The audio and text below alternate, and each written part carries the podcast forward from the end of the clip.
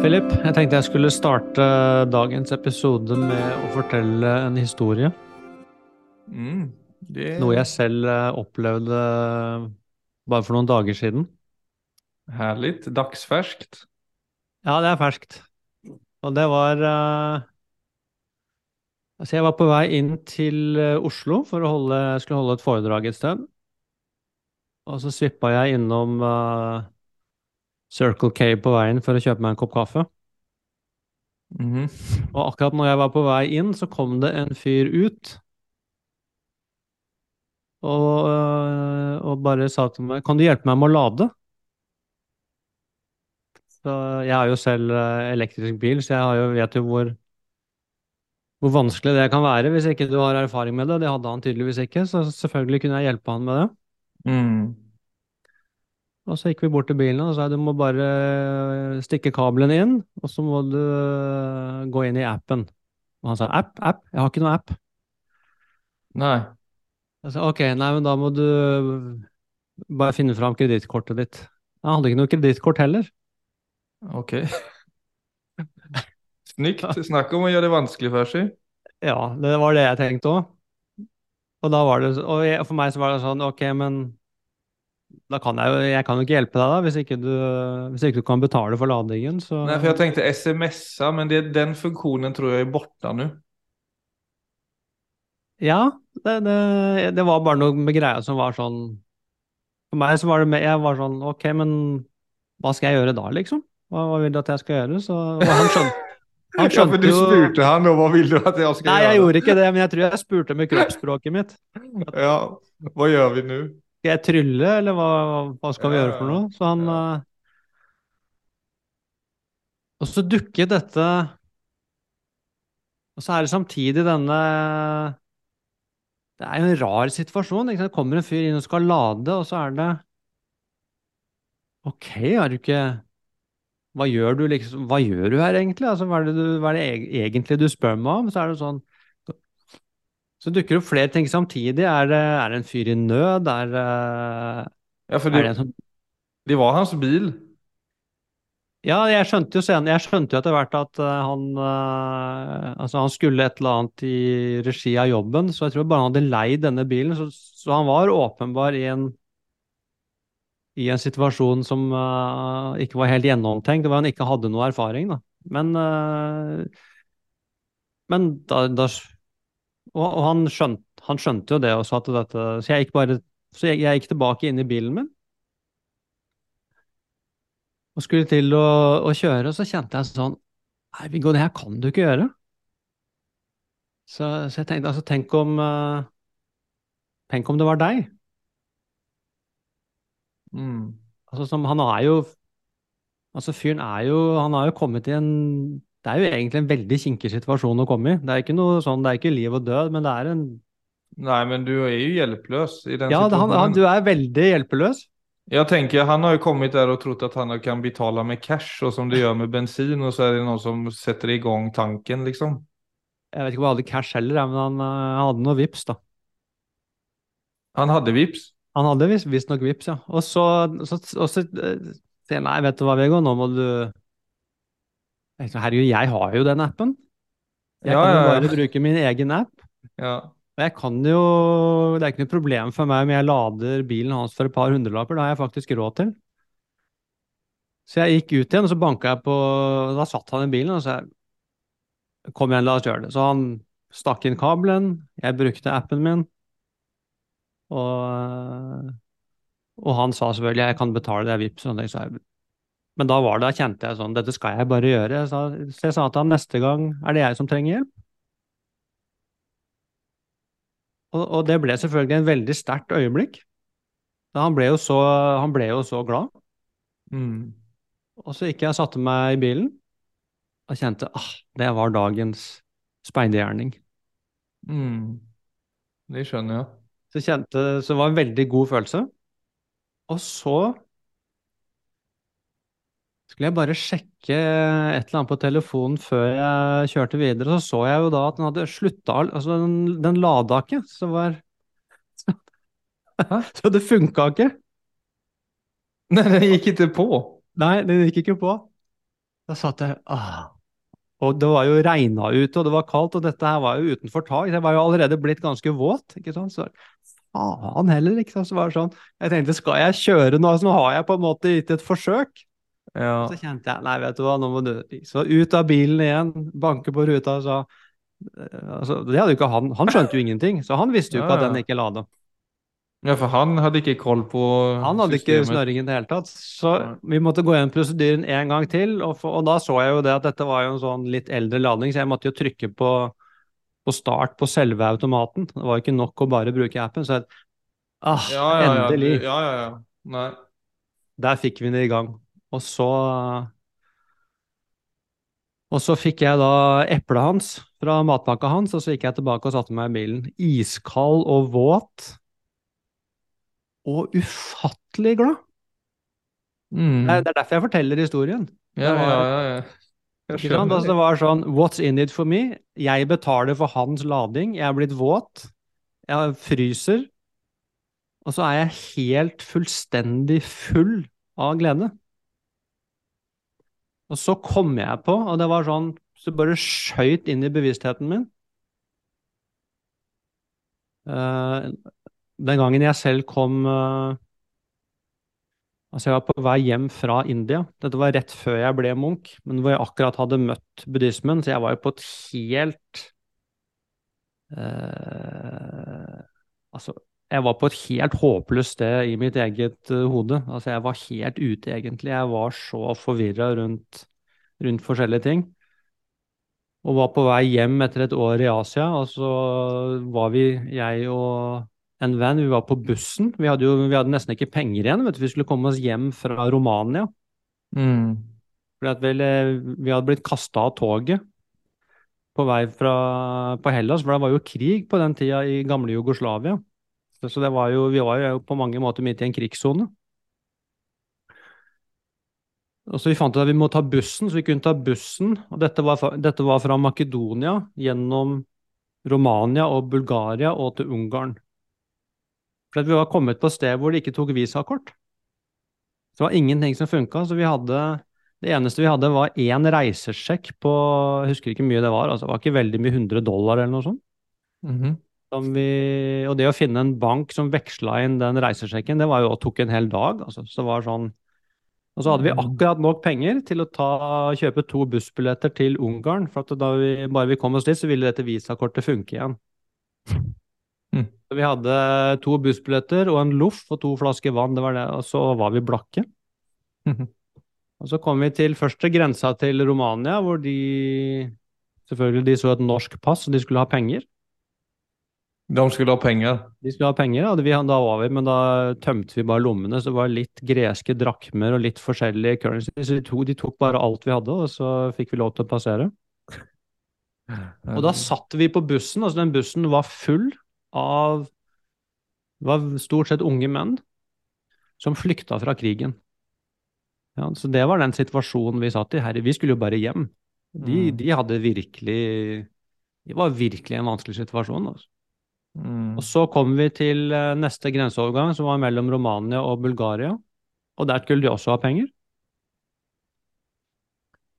Og vi, da hadde vi ingenting, ikke sant. Så da var det sånn så de For dem så var det bare sånn Beklager, da må dere Dere kommer ikke videre. Og det var jo sånn I mitt hode da, så var det Det var virkelig krise. Uff, jeg får panikk bare jeg hører det. Ja, det var, var ikke noe Det hadde jo sikkert ikke vært livsfarlig, men det hadde vært en veldig vanskelig situasjon. Nei, også. men du kjenner deg jo veldig maktløs på et fremmed sted. Det er jo ubehagelig nog. Ja, ja, helt. Altså, dette var jo før mobiltelefonen sin. Ja, det er det jo- jeg mener. Og, og så var det, det var så, de var så uvennlige. Altså, det var ingen Det var ingen lyst til å hjelpe oss. Det var mer nesten en glede over at uh, Over å kunne plage oss litt. Og så kom Og i dette her, jeg står, og jeg er så fortvila. Ja. Og så kommer en av disse unge mennene som flykter fra krig. Jeg har ikke spurt om noen ting, han har bare fanga opp dette. Og så gir han meg eh, 100 euro. Og han var flykting. Og, og, og, og jeg Altså sånn helt uten det var, helt, det var en helt utrolig opplevelse. Altså, det var no strings attached. Mm. Og for meg, jeg opplevde det da, det føltes som han redda livet mitt. Så, så, vi fikk da betalt for, for dette greiene å komme oss på bussen. Så den lettelsen da. Altså, men samtidig så begynte jeg å tenke på altså, hva jeg kaller et problem, og hva andre kaller et problem. Altså, det, var, sånn, det ble veldig eksistensielt. Og den, så når jeg satt i, når jeg satt i bilen her, så skjøt jo denne historien inn i hodet mitt. ikke sant? For det var den Altså dette med å, å gi en håndsrekning, da, når ikke altså det, det, er på en måte 'nothing in it for you'. Men allikevel, den Men det som Det er ikke det at det, Jeg vet jo på en måte at det er sånn, men altså det når jeg kjørte inn til Oslo da, så var det, og, og resten av dagen, og egentlig nesten resten av uka, så, så var den historien med meg i bakgrunnen av, av, bevisstheten min som en sånn enorm glede. Så hvis jeg skulle si, hvis jeg skulle plukke ut liksom én ting fra den uken som virkelig fylte livet mitt, så var det den episoden hvor jeg betalte for en annens lading og ble mm. våt og iskald. Og likevel så var det det som ga meg den største oppturen den uka. Og det, tenker, det er derfor jeg forteller historien. Altså det, er, ja, ja, ja, det, for det er virkelig det er virkelig noe egentlig å reflektere over. Altså hvordan vi er som mennesker. Hva er det egentlig som fyller opp altså meningsrommet vårt og gledesrommet vårt? og at Jeg har spist veldig mange gode måltider denne uken. Jeg har gjort veldig mye ting som jeg har hatt masse fine opplevelser og masse Men det er ingenting av de jeg har med meg. Alt er bare sånn Ja, den maten var god når jeg spiste den, liksom, men altså, jeg har ikke noe glede av den nå. Jeg drakk et veldig godt glass vin for noen dager siden. Det var, sånn, det var veldig godt når jeg drakk det, men jeg har ikke noe glede av det nå. Så det eneste Så hva er det som Hva er det som blir med oss videre? Ja, hva drar du for slutsats ved det, da? Eller hva er det, hva er det du kjenner er liksom det viktigste ved den innsikten, egentlig? For det er jo forskjeller her, helt åpenbart. Altså det, er, det er ulike ting du gjør, ulike aktiviteter du gjør, men så er det visse ting som blir, kommer helt hjem, da, eller blir med deg videre. Jeg tenker jo det er sånn eh, det er, det er mange ting å reflektere over. Det, det ene er, som jeg også har tenkt litt på, det var jo noe min gamle altså tibetanske lærer fortalte meg Han sa det veldig ofte, men jeg husker Jeg tror første gang jeg hørte det, så var det for meg en sånn Altså, det, var, en voldsom påstand, egentlig, som jeg på en måte skjønte, men jeg, jeg følte det virkelig ikke. Altså, han sa det at uh, jeg kan finne de rette ordene Men det var noe sånt som Du vil bli Du vil først bli lykkelig. Eller du vil bli virkelig lykkelig når du setter andres glede foran din egen.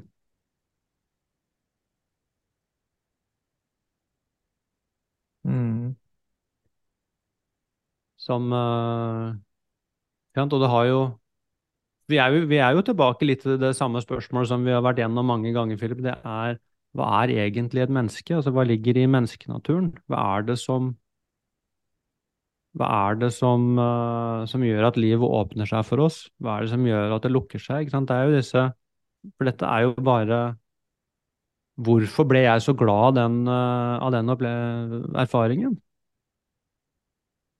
Det er jo det som er interessant å finne ut her. Altså hvor, hvor, kommer det fra? For da, Vi er jo da egentlig inne i menneskets sjelsliv og ser hvordan er det dette greiene her funker. Så det viser jo et eller annet med For at det vi snakker om her, er jo ikke en sanselig glede. Det var ikke en glede som kom fordi jeg fikk oppfylt altså en lyst eller et mål, eller fordi jeg presterte noe. Det var, det var til og med motsatt. Altså det, var, det var forbundet med et sanselig ubehag. Så, så det er sånn Jøss, yes, dette var interessant. Her er det jo Og det var, jeg var så nær, Philip, å følge stemmen i hodet som sa Herregud, kan du ikke komme og skal lade bilen din uten å ha kredittkort? Mm. Sånn, sånn kan man ikke holde på. Ja, så jeg kunne jo bare fulgt den selvrettferdige stemmen i hodet og bare kjørt av gårde og sagt herregud, mye rare folk. Mm. Så Ja, det er mange som hadde gjort det. Ja, ja, ja, absolutt. Altså, og, sånn, og man kan jo si herregud, skal han lure meg, liksom? Altså, det, det kan jo være, det er jo så mange ting som kan dukke opp i et sånt møte. Og nå er det ikke det møtet i seg selv egentlig som er så interessant, men det er alle de Altså alle de små tingene i hverdagen. Nei, men det krever jo ju verkligen refleksjon og innsats. Til og och med for en sånn som deg, som har egentlig drevet med selvrefleksjon i, i mange, mange, mange, mange år. Mm. Så er det jo for vi er jo også litt tilbake til hvordan vi egentlig velger å oppfostre mennesker på mange sett. Ja, faktisk. Ja. For, for jeg kan jo kjenne det at uten å reflektere på det settet du gjorde der i bilen så kan jeg fort bare holde meg til meg og mine. Mm. Alltså mine helt, helt centrala støttespillere som barnen og Gitte f.eks. exempel. Helt klart. Och för att jag ska ex- expandera det ytterligare och icke då gå utanför mina egna ego egocentriska intressen så kräver det liksom att jag ser djupare eller att jag reflekterar lite så som du beskriver i bilen där. Mm. Och det, det känner jag ju på så många sätt att det att stå till tjänst för andra, så som han tibetanska munken också sa. Alltså man skjønner det, men så er det vanskelig å kjenne det. Ja, ja, jeg det er, mange fallgruver her òg, ikke sant?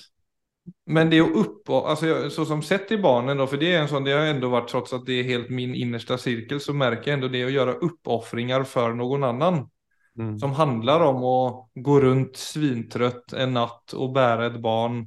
Mm. Eller för tionde gången resa sig från soffan när du prövar att se en serie för att någon vaknar. Mm. Alltså ting du hela tiden må göra för någon annan och för att någon annan faktiskt ska ha det bra. Ja. Det är ju som du säger någonting som på sikt lyfter lite perspektivet från ens egna glädje till någon annan och så fyller, för jag märker det, en, en sån konsekvens för mig av att ha fått barn är att jag har börjat intressera mig mer för barnens liv och deras väg än Mm. min egna. Ja. Icke på ett sätt att mitt liv har blivit mindre viktigt, men det har blivit mycket mindre viktigt i ett eh, självcentrerat perspektiv. Alltså det finns så mycket mer än mitt liv just nu i livet som är viktigt, men det tror jag inte att jag hade känt på om jag icke hade gjort uppoffringar för andra. Jeg er helt enig med deg. Och det är någonting väldigt gott och frigörande vid det och den nysgjerrigheten som då vaknar ovanför andra, att den lite kan ersätta det där, åh hur ska det gå med mig, åh klarar jag det där, åh nej om inte det sker så får jag det bra. Det er akkurat det. Det er akkurat det. Det er akkurat dette som jeg tenker var er refleksjonen rundt dette. Det er å, å også få med seg det, For at det åpner seg jo da en annen horisont i oss. Hvor det er eh, altså en helt annen måte å være i verden på, og hvor de tingene vi ofte søker, også, også i vår selvsentrerthet, det er jo nettopp altså fylde og mening og lykke og Sant? Og så finner vi det plutselig på steder hvor vi kanskje minst venter det. Da. Altså ting som egentlig er ganske slitsomt og krever anstrengelse, og man må sette seg selv til side. Og så dukker Mm. det opp noe mye større. Og det er jo det å finne, og, det, og jeg tenker noe av den viktigste refleksjonen her, det er jo, for det er jo noe ethvert menneske må finne ut av. Er jeg sånn? Er det sånn det er å være menneske? Er dette, snakker vi her om realiteter? Ja, jeg opplever det sånn at ingenting som faktisk forandrer mitt liv på et positivt sett, eller gir mig eh, glädje eller tillfredsställelse. Ingenting av de grejerna kan komma utan insats eller utan att jag själv må kämpa lite för det på ett eller annet vis. For det var den andre tingen jeg tenkte på.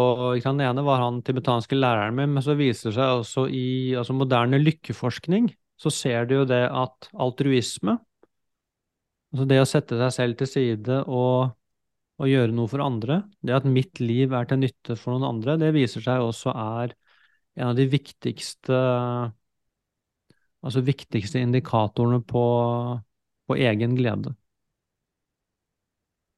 Og, og, de sier vel også i lykkeforskning at det er den som er den mest, mest langtrekkende. For de ser det at den, den type hendelser, den type, den type glede, den har man med seg i lang, lang tid. Og det var det jeg også kjente. altså Jeg kjente det var det afterglow av den erfaringen. Den var med meg. Og når jeg tenker på det nå, så er det også mm. noe som bare er der. Mens uh, de mer sanselige nytelsene, de er selvfølgelig Og ikke at det er noe feil med dem i det hele tatt, det er ikke det som er poenget her. Men, det bare, men de varer definitivt uh, De blir ikke med på samme måte. Så det er noe i dette feltet som er utrolig viktig for oss. Men vi snakket jo også om people pleasers, for her er vi egentlig inne på et spår som kan havne i to leger. Jepp. Det er altså, det en av fallgruvene her. Ja. Det at man plutselig skal bli flink til dette, og så går man Kjører man bare over seg selv uh, på feil måte. Så det krever litt selvinnsikt, det greiene her.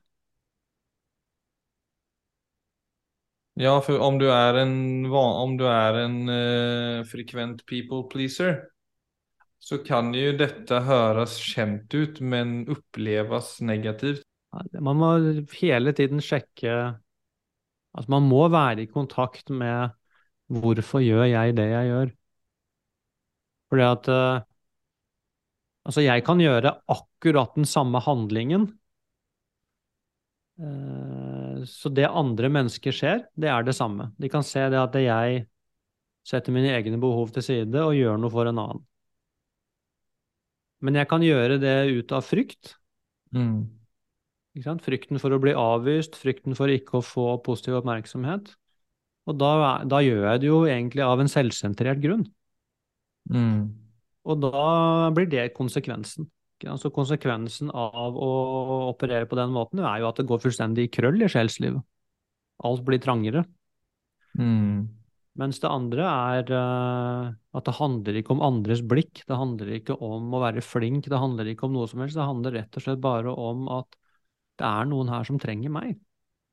Jeg har nå en anledning til å bidra. Så handlingen vil være lik, men altså det som egentlig skjer, er jo to helt forskjellige verdener. Og det, akkurat det vi snakker om her, er utrolig viktig hvis man skal begynne å, å ta i dette feltet. For det var jo selvfølgelig det Altså når jeg hørte dette fra min tibetanske lærer den gangen, og jeg var, og jeg var jo også bare 21, så jeg var jo veldig ung, så for meg så var dette bare en oppskrift. Mm. Og jeg så at det var veldig mange, så jeg og jeg vil jo si de fleste rundt meg, vi, vi gikk jo rundt og skulle være compassionate, ikke sant, men fra en oppskrift i hodet. Mm. Og det blir jo veldig mye tullball, altså. Det blir veldig mye sånn ytre staffasje. Mm. Som ikke, egentlig ikke gjør så veldig mye. Så, så jeg har både erfart og sett veldig mange av de ja, altså tåpelige fellene som dukker opp når man liksom skal være snill. Altså, så vi, vi blir jo egentlig en bunch med people pleasers, altså sånn i mm. eh, Egentlig i visdommens tegn. Men altså, det er jo kanskje noen av de barnesykdommene man også må igjennom for å, for å få ryddet opp i dette feltet. Da. Så det er ikke det at det er noe krise i seg selv, men altså, det, er ikke, det, er ikke, det selvfølgelig man, man peker på her. Jeg tror det, det, det for meg som jeg har reflektert mye om, det er denne altså dype sameksistensen mellom oss mennesker. For at når vi sto der Dette var et menneske som jeg har liksom møtt noen minutter. Men altså når, uh, når vi sa ha det, og jeg fikk dette eplet av han, så var det som om vi var i familie. Altså det var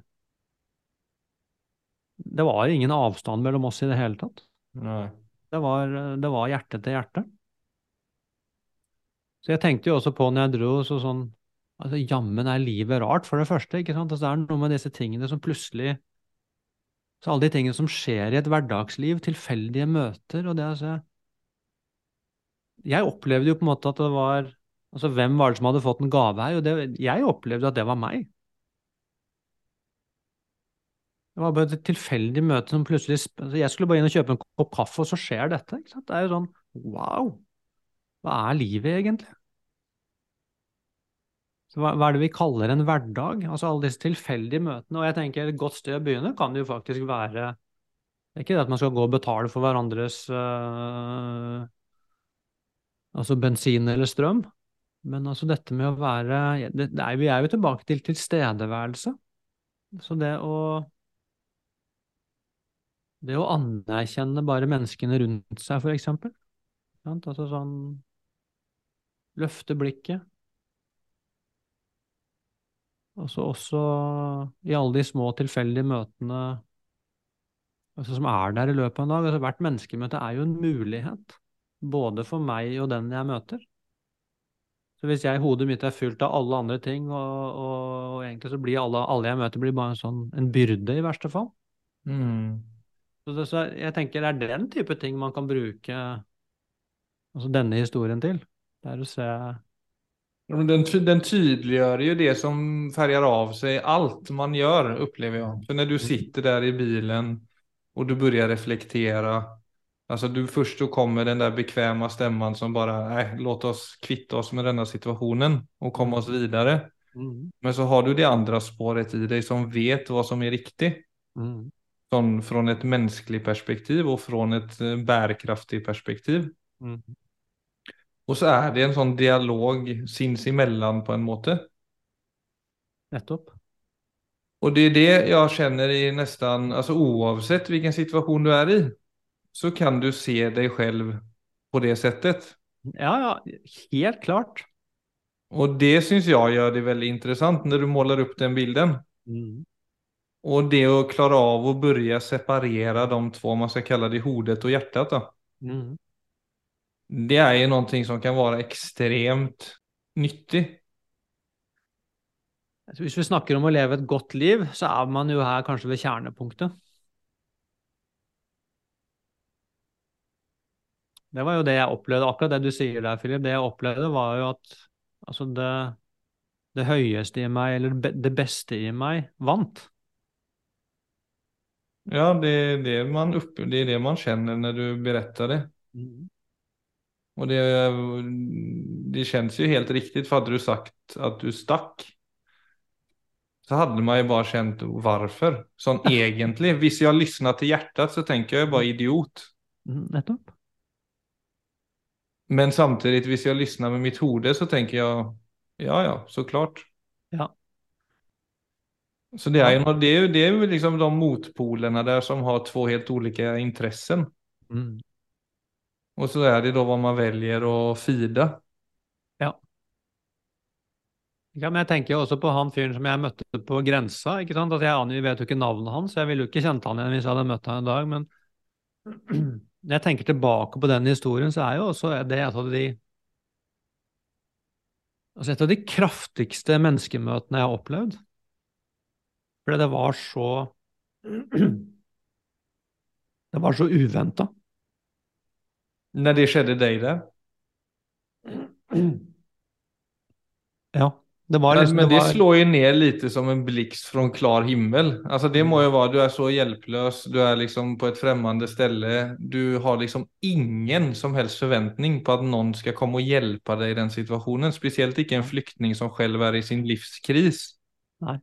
Og det at det plutselig står er ikke, altså, Du sa 100 euro? Ja. Altså Det er jo en rik mann på den tiden, kjennes det som. Alltså Det er sånn kast, Det er precis som han, han, han offrar verkligen seg selv for å være til andres tjenest, liksom. Ja, det, det er jo Han trengte de pengene, for å si det sånn. Men det er det, du, du hører det, återigen tilbake den tibetanske, men du hører det men du kan ikke helt greppe det. Og jeg tror det, det er precis som om det ligger, for han er jo ikke noe magisk, men når man hör det fra en sånn kulturell bakgrunn som man selv har, så låter det nesten magisk. Altså han sitter på noen magisk oppskrift som ikke jeg har skjønt. Mm. Ja, ja. Men for honom så er jo det kanskje helt selvklart. Eller ikke han- selvklart, men altså handlingen i seg selv er eh, bare Jeg vet Ja. ikke, det er holdbart. Liksom. Det er et holdbart perspektiv for mennesket. Ja, det er virkelig holdbart. Og jeg, det som gjorde det sterkt, selvfølgelig, var jo at denne altså Lama Sopa som han het. Han levde jo sånn, det var jo helt tydelig. Men, øh, men det er klart, det jeg ville, jeg ville jo ha hans oppmerksomhet. Det han fortalte meg, var jo det motsatte. Ja. Så det, men jeg ville bare sitte egentlig i hans lys. Det var det Ja. jeg ville. Så det er klart, det å Ja, det er, det er på en måte en helomvending egentlig i, i Men det är man lite går, som går blir, du, för folk som lyssnar då, blir du lyckligare av å fokusere bare på dine egne intressen? Eller kjenner man at det er noe som faktisk ikke gir varig, en varighet? Jeg er jo i den troen, Philip, at en av fordelene ved altså den livsstilen vi har i dag, er nettopp at vi kan virkelig forstå at ikke det gir oss det vi dypest sett søker. Altså for at vi, er, vi lever nå, i hvert fall i Norge og, og, og i den vestlige verden, så har vi vi har så mye frihet, og vi har så mye muligheter og også så mye ressurser. Så vi kan, vi kan fylle opp våre umiddelbare behov egentlig hele tiden. Og da får vi oss anledning til å se at ja, det er, det er fint, det, men det mennene blir større og større. Og man ser jo også rundt seg at det er åpenbart at noe mangler her. Altså, Mm. vi har alt, og så er vi fortsatt misfornøyde. Så det fine med det er at vi faktisk kan få den erkjennelsen og se at dette har begrensa verdi. Mm. Og menneskereisen, menneskereisen er noe mer enn bare å oppfylle mine umiddelbare behov. Og det erfarer vi faktisk. Og så er det jo da å kunne se Mm. Men det er jo ofte da en krise. Det er ofte den første krisen i et menneskeliv, er når man oppdager det. For da Det er noe som dør, og så er det noe som Man må finne en annen måte å leve på. Og det er ikke sånn at det kommer jo ikke i samme sekund. Nej, men du drivs år efter år på ett spår. Alltså det kan vara fler ting om jag ser på mig själv. Så liksom bekräftelse var en ting från omvärlden. Eh, en förväntning om vem jag skulle vara i arbetslivet var en ting. Men så blir det liksom en ting som kanske blir viktigare än de andra. Så att det centrerar sig väldigt mycket runt hur jag ska framstå som person. Mm. Och så alla mina handlingar med vänner med, i jobbsituationen dras fort dit. Klarade jag av att upprätthålla den Filip som jag har bestämt mig för att vara? Ja. Och så går Väldigt- du så år efter år efter år. Och så är det så snavert och så feil, rett og slett. Mm. Mm. Att det bara är ett korthus som faller en dag. Det er akkurat det. Og det fine med det er at det vil alltid oppstå noe nytt. Ja, så det er jo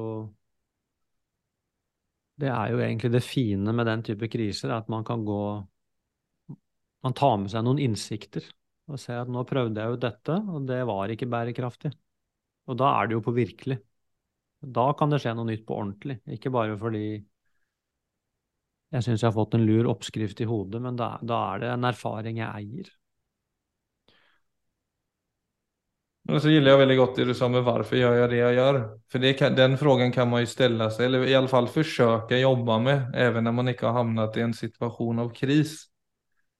För det vill ju oavsett hela tiden tvinga dig litt, även fast du kanskje ikke er helt mogen for å ta oppgjør vid det mönstret du har satt försatt deg i.